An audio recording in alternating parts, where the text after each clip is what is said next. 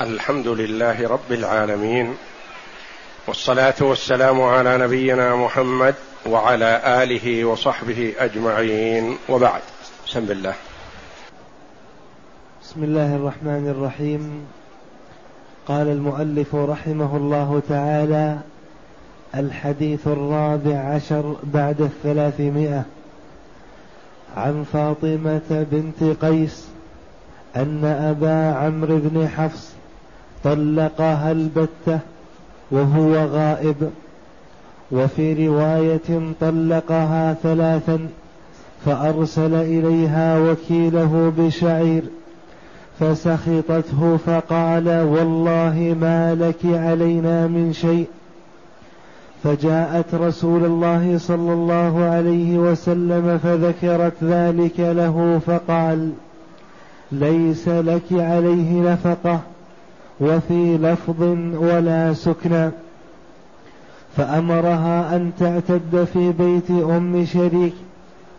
ثم قال تلك امرأة يغشاها أصحابي. اعتدي عند ابن أم مكتوم فإنه رجل أعمى.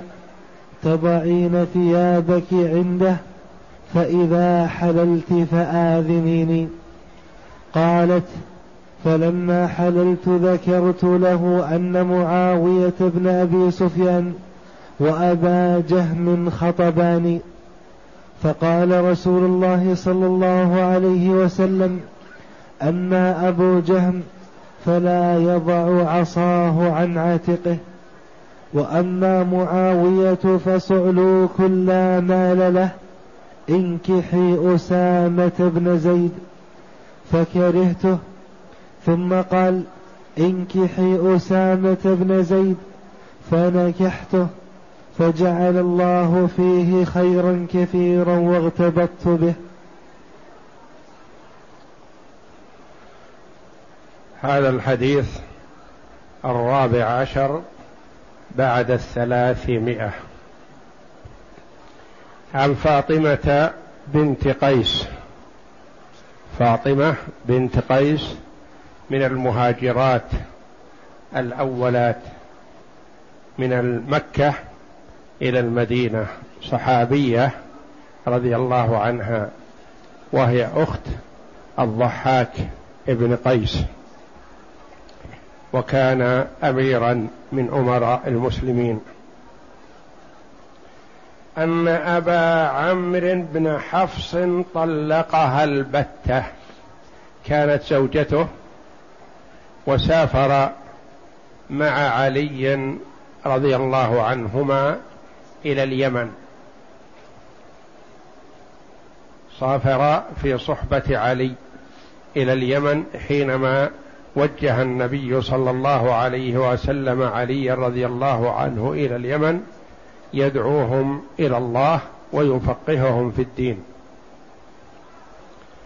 ثم إن أبا عمرو بن حفص أو أبا حفص بن عمرو. قيل اسمه هكذا وقيل هكذا. طلقها البتة والبتة بمعنى النهاية والمبتوتة المطلقة طلاقا لا رجعة فيه. وهو غائب يعني طلقها وهو مسافر. وفي هذا دلالة على جواز طلاق الرجل لزوجته إذا كان هو في بلد وهي في بلد آخر. وفي رواية طلقها ثلاثا.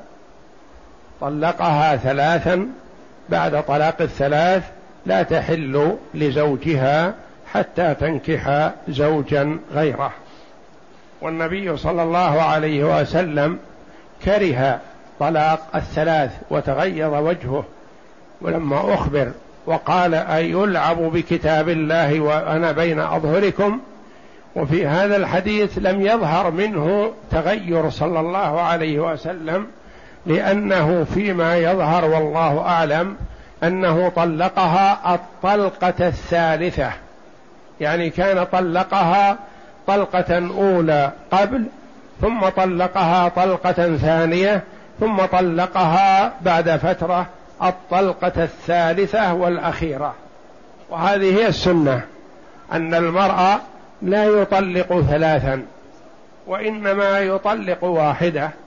فإن رغب في زوجة مطلقته أعادها إلى عصمته. فهو في الخيار مدة العدة. وإن رغب عنها ولم يرغب فيها فإذا تمت عدتها برئ منها وبرئت منه وحلت للأزواج بعد هذا. فلا حاجة إلى تطليق الثلاث لأن المرأة إذا طلق ثلاث سد الطريق على نفسه. يطلق قد يكون طلاقه نتيجة غضب نتيجة منازعة في أمر ما. نتيجة مغالطة مع ناس آخرين يمين لجاجة وغضب مثلا. لما يسد الطريق على نفسه. الله جل وعلا جعل له الأمر ميسرا سهلا وجعل له الخيار. والخيار يتفاوت من شهر أو أقل من هذا إلى في حدود السنة. أو ثمانية أشهر أو تسعة أشهر أو غالبه ثلاثة أشهر. كل هذه الفترة يكون في الخيار. إذا كان الطلاق طلقة واحدة أو طلقتين وبدا له أن يراجع يراجع. ولا يحتاج إلى أن ينظر إلى رضاها أو موافقتها. ولا إلى رضا وليها. يشهد اثنين من المسلمين فيقول أشهدكم أنني راجعت زوجتي فلانة. ويكتب تاريخ الرجعة ويخبرها أو يخبر وليها بهذا حتى إذا تمت عدتها لا تتزوج تعلم أنها عادت إلى عصمة زوجها الأول. فإن رفضت أو رفض وليها وإذا هو قد أشهد على الرجعة والرجعة كانت في وقت العدة فلا خيار لهم. لا خيار لها ولا لوليها إذا راجعها في العدة. والعدة تتفاوت قد تكون قليلة وقد تكون كثيرة. كما قال بعض العلماء قد تكون ربع ساعة العدة وقد تكون سنة.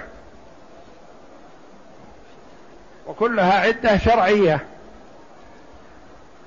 إذا وضعت الحمل ولو بعد الطلاق بربع ساعة مثلا فقد حلت للأزواج وانتهت العدة. إذا كانت حامل وإذا كانت مرضع فقد يتأخر عنها الحيض. فينتظر فيها تسعة أشهر ليرى هل فيها حمل أو لا. فإذا مضت التسعة ولم يظهر أثر حمل وقد انقطع عنها الحيض فتعتد بثلاثة أشهر. فتكون العدة سنة. وقد تكون حامل وتطول مدة الحمل وهي لا تزال في العدة. في مدة الحمل هي في العدة وإن بلغت أربع سنين. فالأمر فيه سعة والتشريع حكيم من حكيم عليم. جعل الله جل وعلا فيه الخيار للعباد. ولكن بعض الناس يضيق على نفسه ويجعله يتهم نفسه بالجنون يتهم نفسه بالغضب الشديد يتهم نفسه بأنه لا يدري ما يقول وهكذا ويذهب من مفت إلى مفت ومن عالم إلى عالم لعله يجد من يحلل له امرأته إذا طلقها ثلاثة. وقد جاء رجل ابن عباس وزعم أنه طلق امرأته مئة. فقال بانت منك بالثلاث والسبعة والتسعين إثم عليك. يعني أنت تتلاعب في كتاب الله تتلاعب في أحكام الله لما تطلق في المئة. والنبي صلى الله عليه وسلم لما قيل له إن فلانا طلق ثلاثا دفعة واحدة غضب. وتغيظ صلى الله عليه وسلم وقال أيلعب بكتاب الله وأنا بين أظهركم؟ حتى قال بعض الصحابة رضي الله عنه ألا أقوم إليه فأقتله؟ فيحرم على المسلم أن يطلق ثلاثا دفعة واحدة ويعتبر طلاق بدعة وطلاق محرم ولا يجوز للمسلم ذلك وإنما يجب على المسلم عند الطلاق وعند الرجعة وعند الأحكام الشرعية أن يرجع إلى طلبة العلم ليمشي على بصيرة ويبين له الأمر فلا يحل له أن يطلق وزوجته حائض ولا يحل له أن يطلق وزوجته نفساء. ولا يجوز له أن يطلق في طهر جامعها فيه ولم يتبين حملها. كل هذا تشريع حكيم من لدن حكيم عليم ليفقه العباد أمرهم وليكونوا في سعة. ولا تبين منهم زوجاتهم عند قليل من الغضب أو المنازعة. أو شيء ما لأنه كثيرا ما يحصل بين الزوجين المنازعة لشيء بسيط. ثم إن كان الزوج قريب النظر تناظرا في العناد والشجاع والخصام حتى يصل إلى الطلاق. وإن كان الزوج حكيما إذا رأى أن الموقف قد يتأزم خرج. ترك لها البيت. وهو أشد عليها من ضرب الوجه وتأديبا لها هو يستطيع أن يخرج وهي ما تستطيع يخرج ويتركها. ثم يعود وقد هدأت وندمت وظنت أن لا يعود إليها. فهذا أبو عمرو بن حفص طلق تكميل الثلاث وليست ثلاثا دفعة واحدة. تقول فأرسل إليها وكيله لأنه مسافر هو. وكيله هنا قال العلماء يصح أن تكون فاعل. يعني الوكيل هو الذي أرسل بالشعير. ويصح أن يكون الوكيل مرسل في محل نصب مفعول به. أرسل هو وكيله ليعطيها الشعير. وفي رواية مع الشعير تمر. فأرسل إليها وكيله أو وكيله ولهذا جعل على اللام فتحة وضمة. يصح أن يقال فأرسل إليها وكيله يعني أن المطلق أرسل وكيله. أو أن الوكيل هو الذي أرسل بشعير يريده جبرا لخاطرها ونفقة لها لأنها مهاجرة من مكة إلى المدينة وقد لا يكون لها أحد في المدينة قد تكون غريبة كما يظهر من قول النبي صلى الله عليه وسلم لها في العدة أنها لا قريب لها. فسخطته يعني تظن هي أن لها نفقة والشعير وحده ما يكفي يحتاج إلى إدام وقد لا يكفي وحده فسخطته يعني ما رضيت بهذا الشعير الذي أرسل لها نفقة وقت العدة أو جبرا لخاطرها. فقال والله ما لك علينا من شيء. الوكيل لما رأى السخط منها وعدم الرضا قال هذا تبرع منا. إن شئت فخذي وإن شئت فرديه لأنه لا يجب لك علينا شيء لأنك مطلقة وطلاق بائن لا رجعة فيه. فأنت الآن بائنة من زوجك ولا يلزم زوجك نحوك شيء إلا إن كان في ذمة الزوج للزوجة شيء من المهر المؤخر نعم. أو كان عنده لها دين أو قرض فنعم. وأما من حيث الزوجية فما دامت مطلقة ثلاثا وليست بحامل فليس لها شيء. فقال والله ما لك علينا من شيء يعني ولا شيء يسير. ما ما يجب لك علينا شيء وإنما هذا أرسلناه تبرعا أو من باب جبر الخاطر.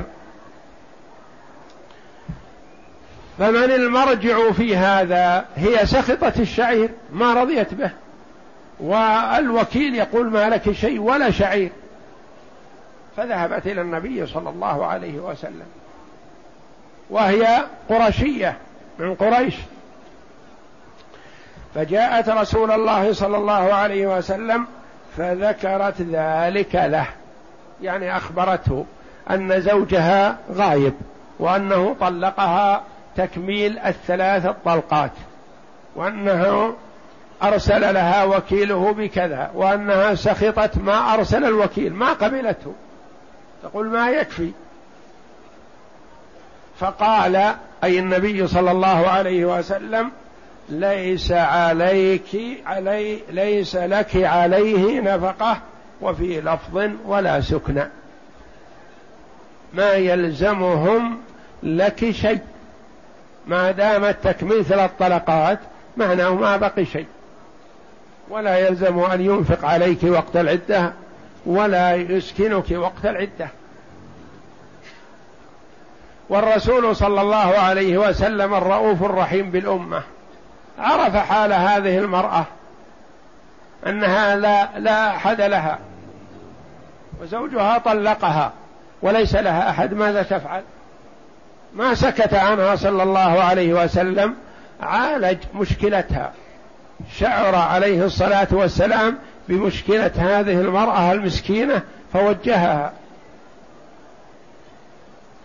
فأمرها أن تعتد في بيت أم شريك قرشية وقيل أنصارية. من الصحابيات الفضليات رضي الله عنهن. قال اعتدي عند هذه المرأة هذه امرأة صالحة واعتدي عندها. يعني إذا كنت عندها أمنت على نفسك. وما تستطيع المرأة الغريبة أن تسكن وحدها. ثم قال بعدما وجهها أن تعتد عند هذه المرأة ثم قال تلك امرأة يغشاها أصحابي. هذه امرأة مشهورة امرأة صالحة امرأة فاضلة لها مكانة. يزورها الصحابة رضي الله عنهم.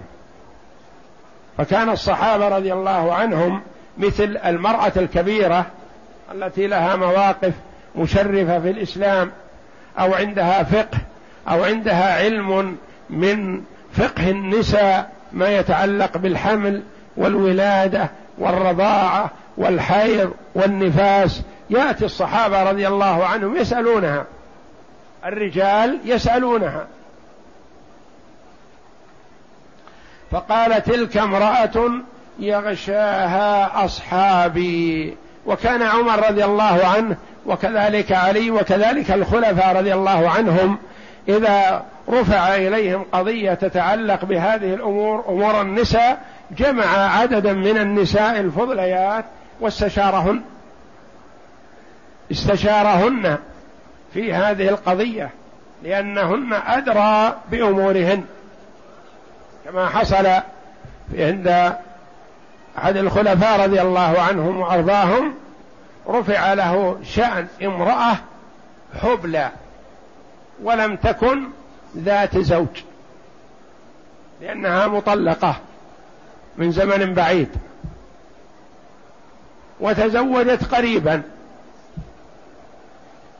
فتبين حملها ليس من الزوج الأول في ظنهم لأن الزوج الأول من فترة طويلة مات.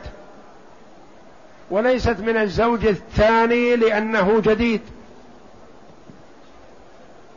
والأول فارقها لا أذكر بالموت أو بالطلاق. ف رفع أمرها إليه فأراد أن يقيم عليها الحد. فقيل له استشر واعرض الأمر على بعض النساء.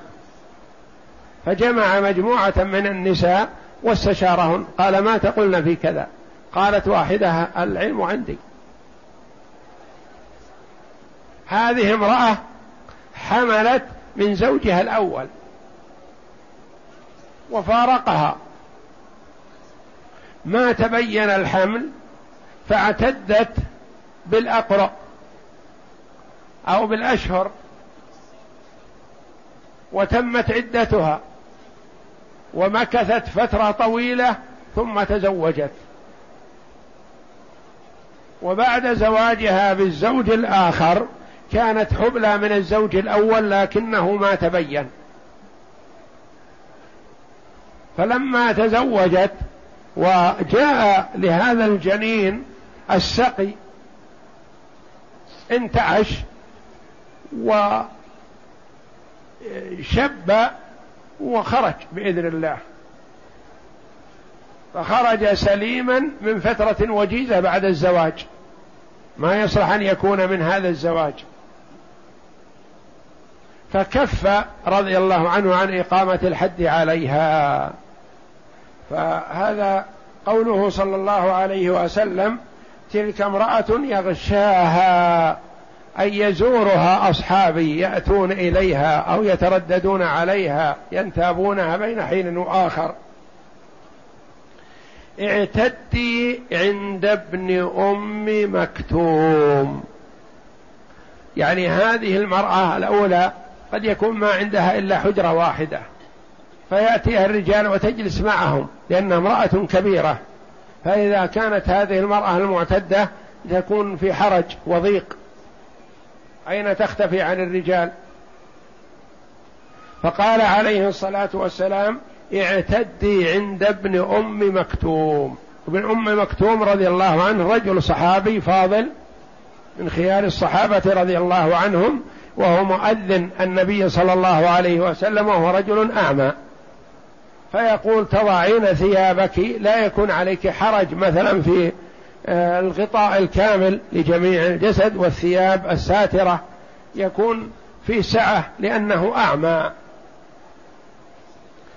فإنه رجل أعمى علل أمره بالاعتداد عند هذا الرجل لكونه أعمى. يقول تضعين ثيابك عنده فلا يراك فإذا حللت يعني تمت عدتك وحللت للأزواج فأخبريني. لا تخفي علي لا تتزوجي قبل أن ترجعي إلي كأنه يعرض لها بأن عنده لها زوج مناسب رضي, رضي الله عنها. فإشعار بهذا فدل على أن التعريض للمعتدة بطلاق بائن أنه لا بأس به. التعريض لها مثل ما يقول الرجل للمرأة لا تتزوجي إلا تخبريني لا توافقي لأحد إلا بعد إخباري. إذا تمت عدتك فأخبريني متى تتم عدتك تظنين. وهكذا يعني من التعريض ما يصلح الخطبة ولا يخطبها وهي معتدة لكن يلمح لها. يعني يبين لها أنه سيذكر لها زوج مناسب لكن ما يذكره الآن.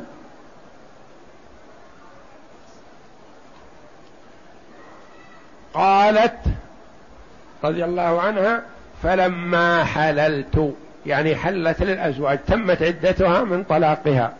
وأما المطلقة طلاقا رجعيا فيحرم التعريض لها بالخطبة. وإنما التعريض للمطلقة طلاق بائن أو المعتدة من الوفاة. هاتان يصح التعريض لهما لأنها انقطعت العلاقة بالزوج الأول. الأول لأنه إما طلاق بائن أو ميت.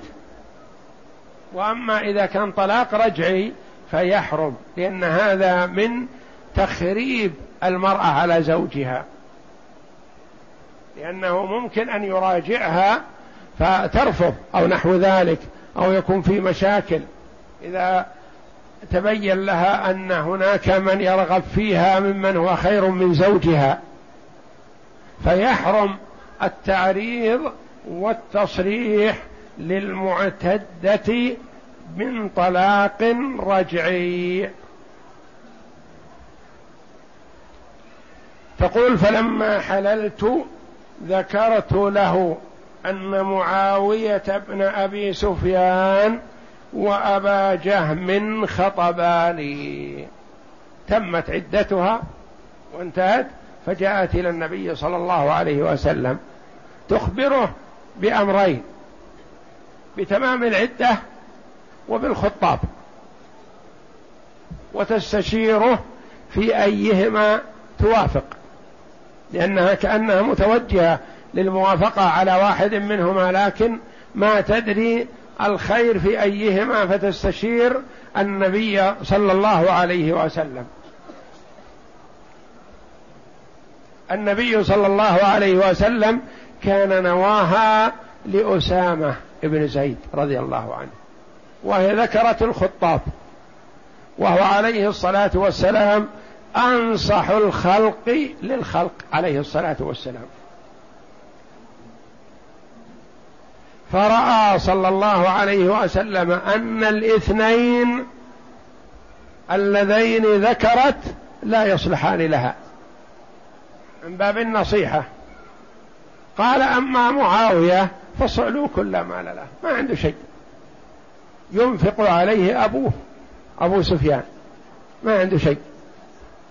وفي هذا دلالة على أن النبي صلى الله عليه وسلم لا يعلم الغيب. إلا ما أطلعه الله جل وعلا. معاوية رضي الله عنه هذا الذي يقول عنه النبي صلى الله عليه وسلم صعلوك لا مال له أصبح خليفة المسلمين. والأموال كلها بين يديه. ويعطي بمئات الآلاف رضي الله عنه العطايا والمنح.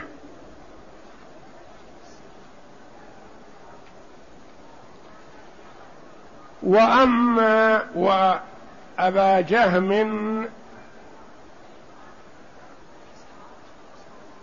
أما أبو جهم فلا يضع عصاه عن عاتقه. أبو جهم ما يصلح لك. رجل يحمل عصاه باستمرار. ضراب للنساء كما في رواية. ما يضع عصاه عن عاتقه يعني دائما يضرب. وفي هذا دلالة على جواز إطلاق بعض الكلمات على سبيل المبالغة. وإلا أبو جهم ينام. وإذا نام ما يكون العصا على عاتقه. وليس في كل الوقت عصاه على عاتقه لكن كناية عن أنه كثير الضرب للنساء.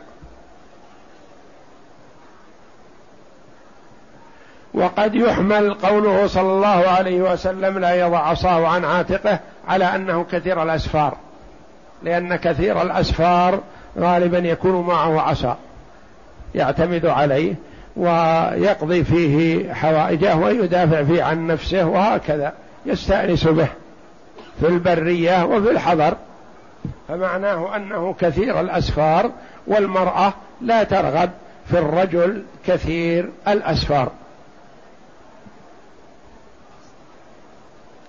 انكحي أسامة بن زيد. أسامة بن زيد رضي الله عنه حب رسول الله صلى الله عليه وسلم وابن حبه. يعني من أحب الخلق إلى الرسول وأبوه كذلك. وهو من أفاضل الصحابة رضي الله عنهم. وأمره النبي صلى الله عليه وسلم على الجيش الذي رتبه النبي صلى الله عليه وسلم قبيل مرضه.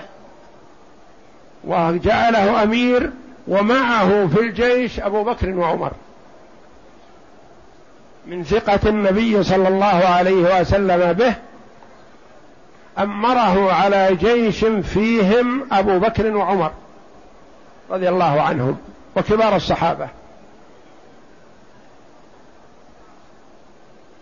فقال لها انكحي أسامة ابن زيد.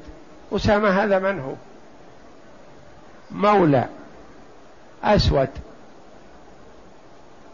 وهي قرشية من صميم قريش. ليبعد صلى الله عليه وسلم عن الناس نخوة الجاهلية.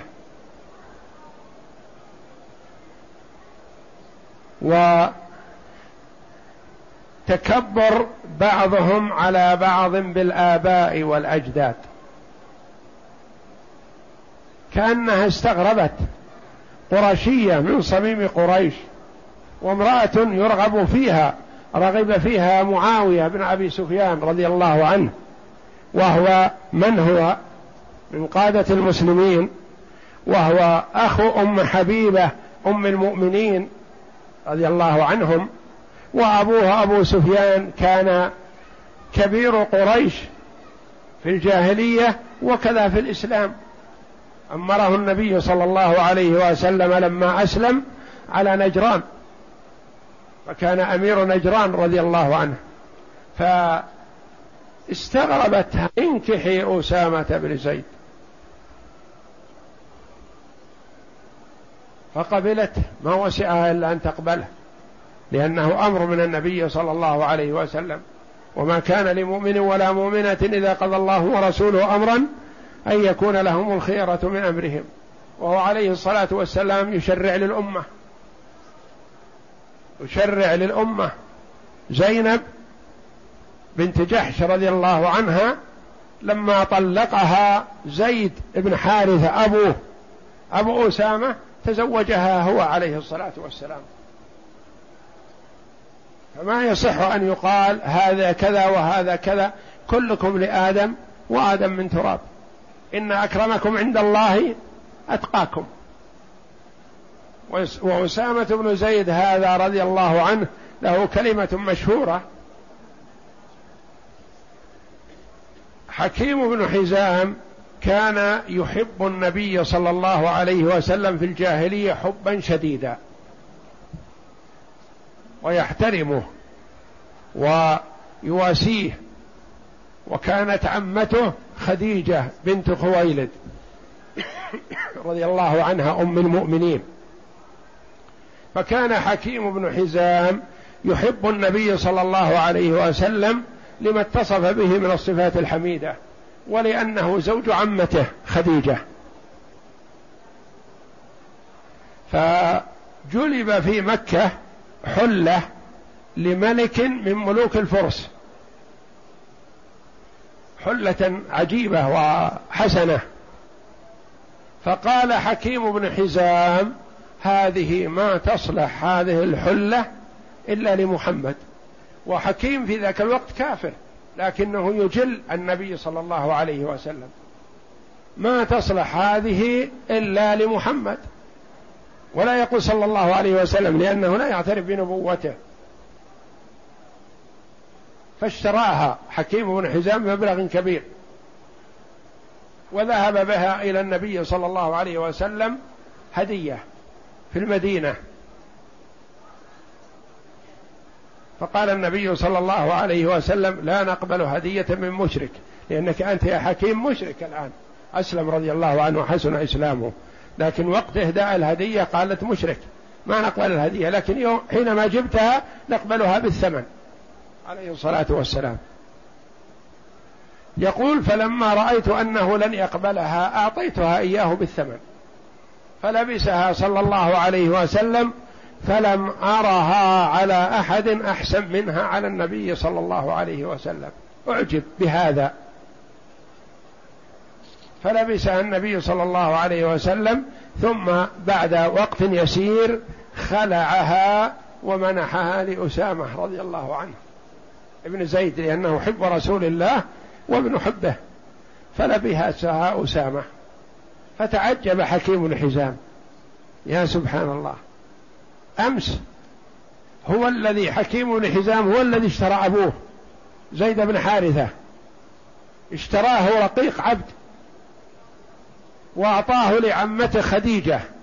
وخديجة رضي الله عنها أعطته للنبي صلى الله عليه وسلم.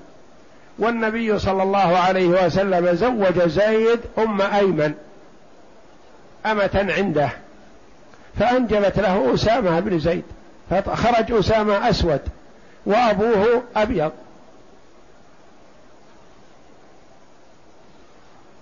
فلبس هذا أسامة رضي الله عنه الحلة.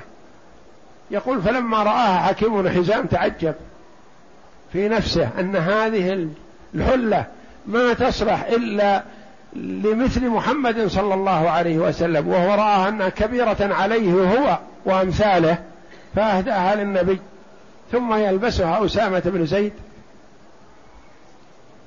فقال له يا أسامة تلبس حلة ذي يزن يعني ملك الفرس. فقال نعم أنا أفضل منه وأبي أفضل من أبيه. وش اللي فضله علينا؟ هو كافر مشرك. وأنا مؤمن بالله. فتعجب من هذه الكلمة حكيم حزامه على كفره وذهب ينقلها إلى أهل مكة. قال هذا كلام أسامة ابن زيد.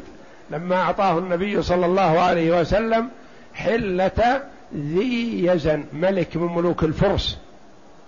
فقال أنا أفضل منه وأبي زيد بن حارثة رضي الله عنه. الشهيد في الإسلام رضي الله عنه وأبي أفضل من أبيه وش اللي يمنع؟ لكن كانت نخوة الجاهلية عند حكيم في ذلك الوقت فاستغربها واستكثرها.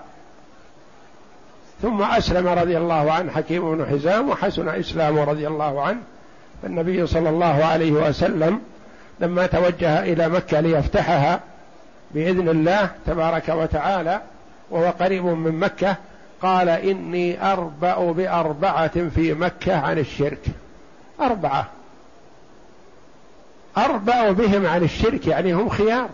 خيار في الجاهلية فكيف يبقون على شركهم؟ كيف يستسيغون الشرك والكفر؟ وهم عندهم من الرأي والإدراك والمعرفة. من هؤلاء الأربعة؟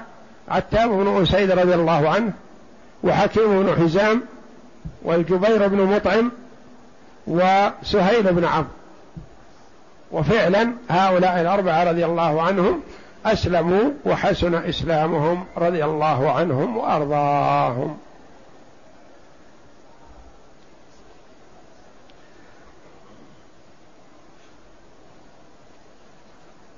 قال لها انكحي أسامة بن زيد فكرهته أو فكرهته. يعني كيف تقبله؟ أبوه كان رقيق وهو أسود وهو تبع لأبيه رقيق وعتق. أعتق النبي صلى الله عليه وسلم أباه. ثم قال انكحي أسامة بن زيد. أمر. فنكحته يعني قبلته فجعل الله فيه خيرا واغتبطت به. نعم. وأهل لهذا الخير لأنه حب رسول الله صلى الله عليه وسلم وابن حبه. ونشأ في بيت النبي صلى الله عليه وسلم وتربى على يديه عليه الصلاة والسلام فهو من خير الأمة رضي الله عنه وعن أبيه وعن أمه رضي الله عنهم جميعا. فجعل الله فيه خيرا واغتبطت به.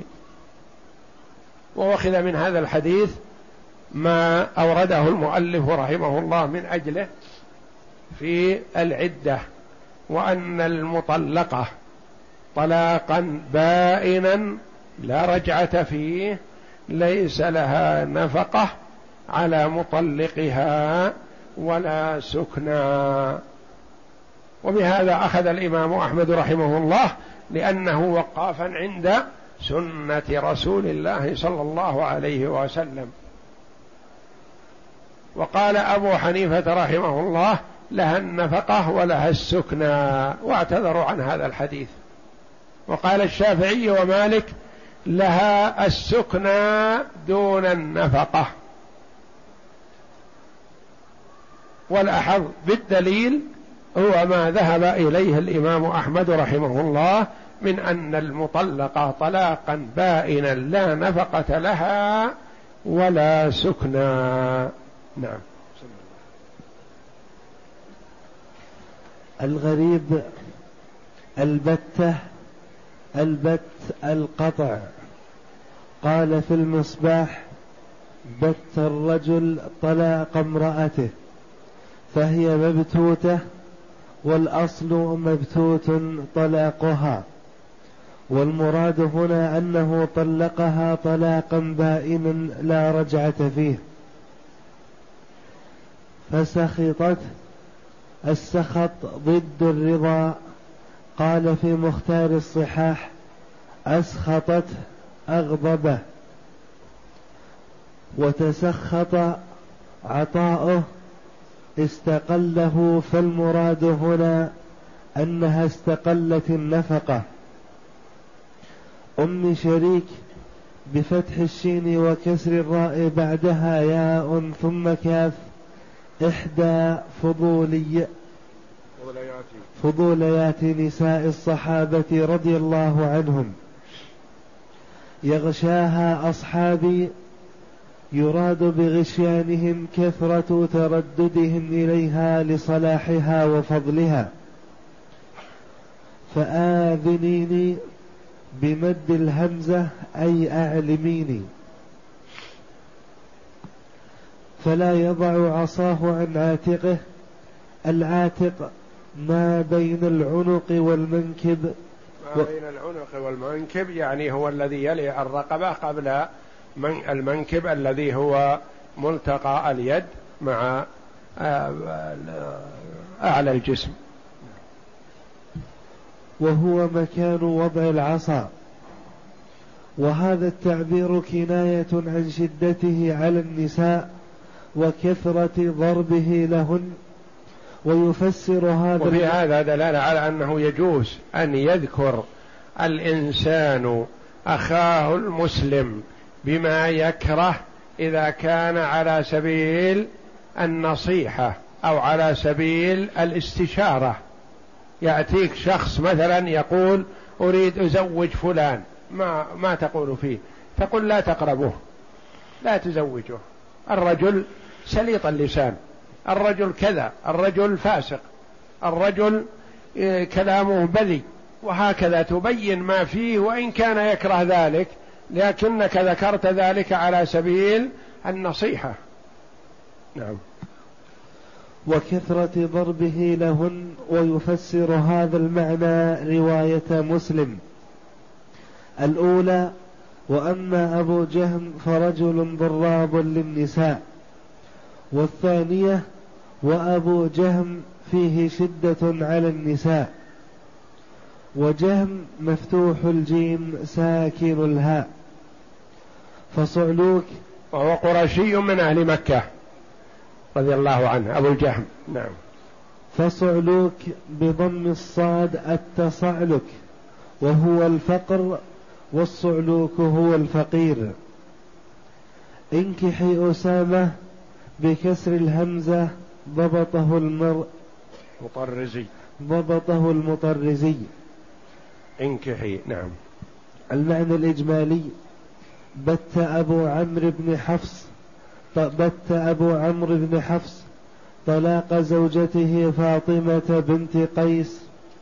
والمبتوتة ليس لها نفقة على زوجها ولكنه أرسل إليها بشعير فظنت أن نفقتها واجبة عليه ما دامت في العدة. فاستقلت الشعير وكرهته فأقسم أنه ليس لها عليه شيء. فشكته إلى فشكته يعني رفعت الأمر إلى النبي صلى الله عليه وسلم. نعم. فشكته إلى رسول الله صلى الله عليه وسلم. فأخبرها أنه ليس لها نفقة عليه ولا سكنى. وأمرها أن تعتد في بيت أم شريك. ولما ذكر صلى الله عليه وسلم أم شريك يكثر على بيتها تردد الصحابة أمرها أن تعتد عند ابن أم مكتوم لكونه رجلا أعمى فلا يبصرها إذا وضعت ثيابها وأمرها أن تخبره بانتهاء عدتها. ولعله أرادها لأسامة بن زيد فخشي أن تعتد فتتزوج قبل أن يعلم.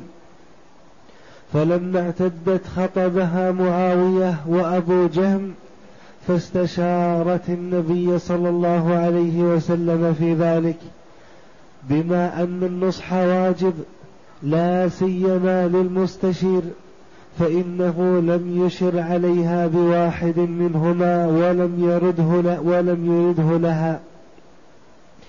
لأن أبا جهم شديدا على النساء وسيء الخلق ومعاوية فقير ليس عنده مال وأمرها بنكاح أسامة فكرهته لكونه مولى. ولكنها امتثلت أمر النبي صلى الله عليه وسلم فقبلته فاغتبطت به وجعل الله فيه خيرا كثيرا. ما يؤخذ من الحديث. اولا قوله طلقها ثلاثا ليس معناه تكلم بهن دفعة واحدة فهذا محرم غضب منه النبي صلى الله عليه وسلم. وقال أيلعب بكتاب الله وأنا بين أظهركم؟ ولكنه كما قال النووي كان قد طلقها قبل هذا اثنتين. وكما ورد في بعض ألفاظ هذا الحديث في مسلم أنه طلقها طلقة كانت بقيت لها من طلاقها.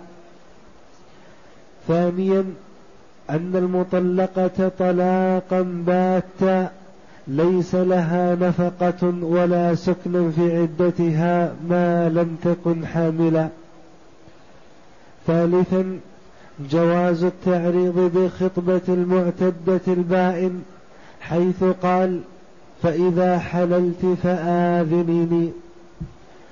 رابعا ذكر الغائب بما يكره على وجه النصح ولا يكون حينئذ غيبة محرمة.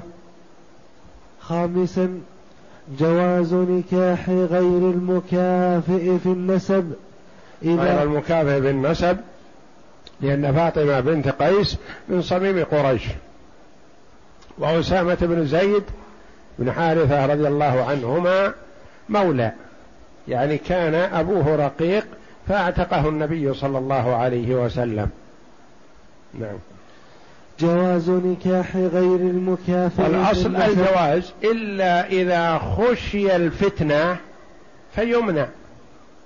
إذا رضيت بامرأة مثلا بمولى ونحو ذلك ثم لم يوافق أولياؤها أو خشي من وقوع شر فإنه يمنع من ذلك درءا للمفسدة لأنها قد تقوم فتنة في بعض الجهات مثلا إذا أقدمت المرأة على الزواج بغير مكافئ لها وقد يرضى أبوها مثلا ووليها لكن لا يرضى عمها أو أعمامها أو بنو أعمامها فتكون فتنة. فيمنع هذا درءا للفتنة إذا خشي وقوعها. نعم. جواز نكاح غير المكافئ في النسب إذا رضيت به الزوجة والأولياء فأسامة قد مسه الرق. وفاطمة قرشية. سادسا وجوب النصح لكل أحد لا سيما المستشير. يعني ما يجوز أن تخفي شيئا مما تعلم عن الآخرين. تقول أخاف يغضبون أو يتأثرون أني ذكرت لهم في من استشارني كذا وكذا. لا يا أخي اذكر ما تعرفه نصحا لمن استنصحك. فمن استشارك فقد ائتمنك وأد وأداء الأمانة واجب. سابعا تستر المرأة عن الرجال وابتعادها عن أمكنتهم ومجتمعاتهم. يعني هم تستر المرأة عن الرجال لما أمرها أن تعتد في بيت أم شريك ثم قال تلك امرأة يغشاها أصحابي. أبعدي عن هذه المرأة وإن كانت امرأة صالحة وفاضلة لكن لأن الصحابة يترددون عليها فاعتدي في مكان تكوني بعيدة عن الرجال. نعم. ثامنا ليس في أمرها بالاعتداء في بالاعتداد في بيت ابن أم مكتوم دليل على جواز نظر المرأة إلى الرجل فقد أمرها بالابتعاد عن الرجال عند هذا الأعمى مع أمرها بغض بصرها عنه كما قال الله تعالى وقل للمؤمنات يغضون من أبصارهن. يعني كما أنه لا يجوز للرجل أن ينظر إلى المرأة الأجنبية كذلك لا يجوز للمرأة الأجنبية أن تنظر إلى الرجل. فلا يجوز لها أن تنظر إليه نظر شهوة ولقول النبي صلى الله عليه وسلم لأم سلمة وأم حبيبة رضي الله عنه ميمونة بالاحتجاب عن ابن أم مكتوم وهو أعمى. فقال احتجبا عنه. فقلنا أليس هو أعمى يا رسول الله؟ قال أفعمياوان أنتما؟ هو أعمى ما يراكن لكن أنتن ما يجوز لكن أن ترينه. نعم. وكما أمر صلى الله عليه وسلم أم سلمة وميمونة بالاحتجاب حين دخل ابن أم مكتوم فقالتا أنه أعمى. فقال افعمياوان أنتما فليس تبصرانه؟ حديث حسن في السنن قال النووي. الصحيح الذي عليه الجمهور وأكثر أصحابنا أنه يحرم على المرأة النظر إلى الأجنبي كما يحرم نظره إليها ثم استدل بالآية وقال إن الفتنة مشتركة. كما أن الرجل إذا نظر إلى المرأة قد يفتتن بها كذلك المرأة إذا نظرت إلى الرجل قد تفتتن به.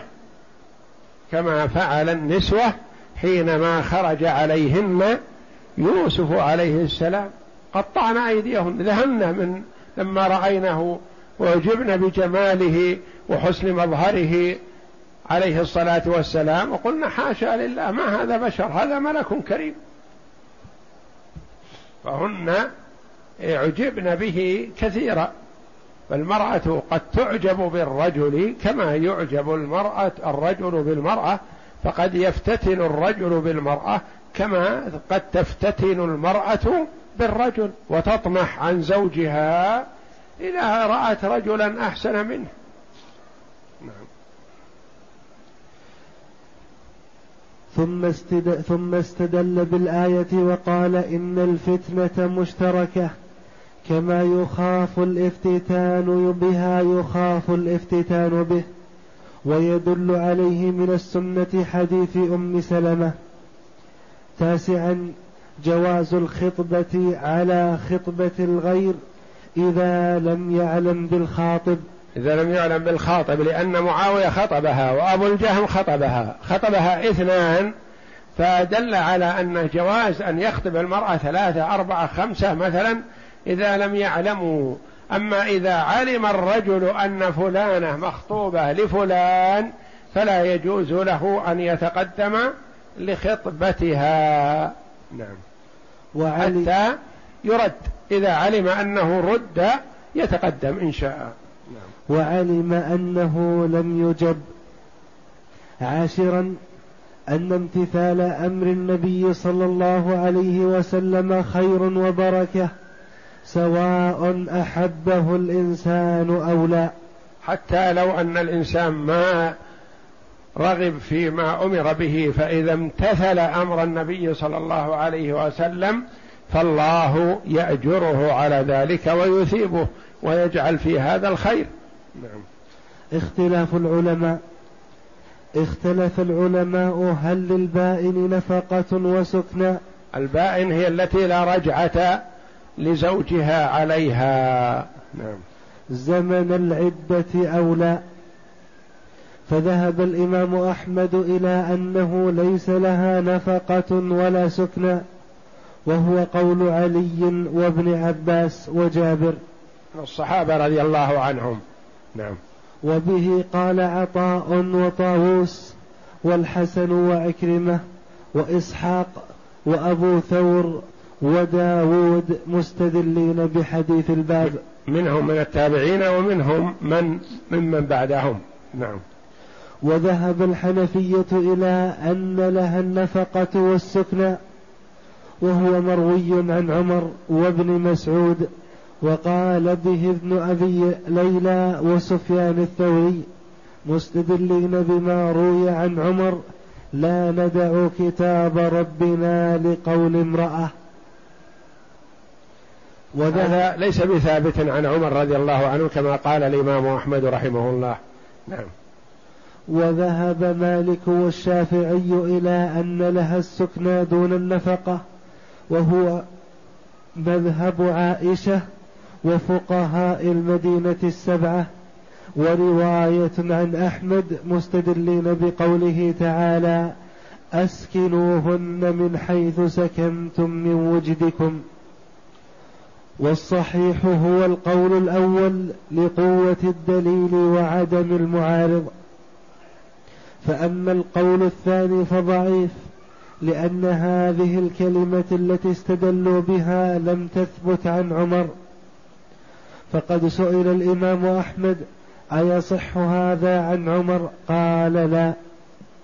وعلى فرض صحتها فصريح كلام النبي صلى الله عليه وسلم مقدم على اجتهاد كل أحد. وأما أصحاب القول الثالث فلا يستقيم لهم الاستدلال بالآية لأنها جاءت في حكم الرجعية لا في حكم البائن. والرجعية لها السكنى ولها النفقة لأنها في حكم الزوجة حتى تتم العدة. نعم. ويوضح ذلك قوله تعالى لا تدري لعل الله يحدث بعد ذلك أمرا. والبائن ما يرجى أن يحدث شيء لأنها ما يمكن أن يرجع إليها.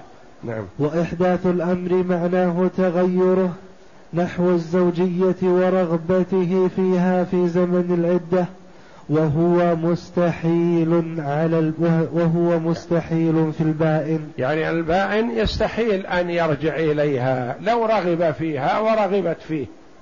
مستحيل لأنه لا بد أن تنكح زوجا غيره. والله أعلم وصلى الله وسلم وبارك على عبده ورسول نبينا محمد وعلى آله وصحبه أجمعين.